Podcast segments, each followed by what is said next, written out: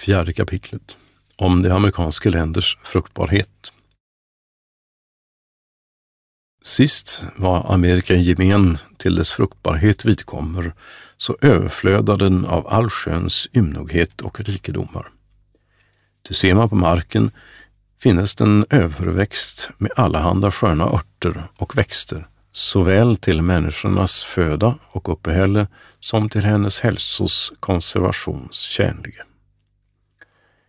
Beser man skogen så består han av allehanda sköna och fruktbärande träd, ibland vilka en övermåttan myckenhet med allehanda djur och fåglar sig uppehålla och visa.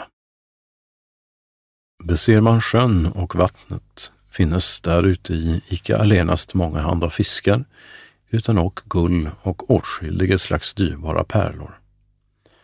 Där vankas jämväl allehanda metaller såsom guld, silver, koppar, järn och bly samt marmor, jaspis, smaragder och andra kostbara stenar, såsom och allehanda skinnvaror etc. Därtill med är där en sund och ljuvlig luft och på många orter så helbrägd att man där icke ska behöva någon läkare.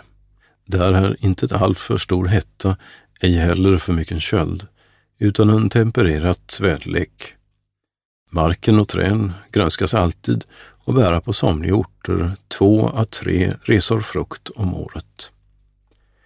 Ja, de amerikanska länders fruktbarhet betygar nogsamt den härliga vinst och inkomst som de spanier och andra europeer har sig ut i Amerika förskaffat, såväl genom den guld och silverflottan ifrån de peruan och mexikanska gruvor, vilka till Europa nu över 200 år outsägliga stora rikedomar fört haver, som av andra kostbara varor, vilka snart sagt kring hela vida världen före äre.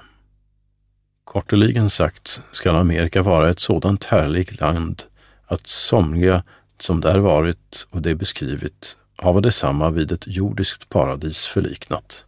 Och vara nu detta så korteligen om Amerika, heller den nya världen i gemen som en liten inledning till nya Sverige förmält.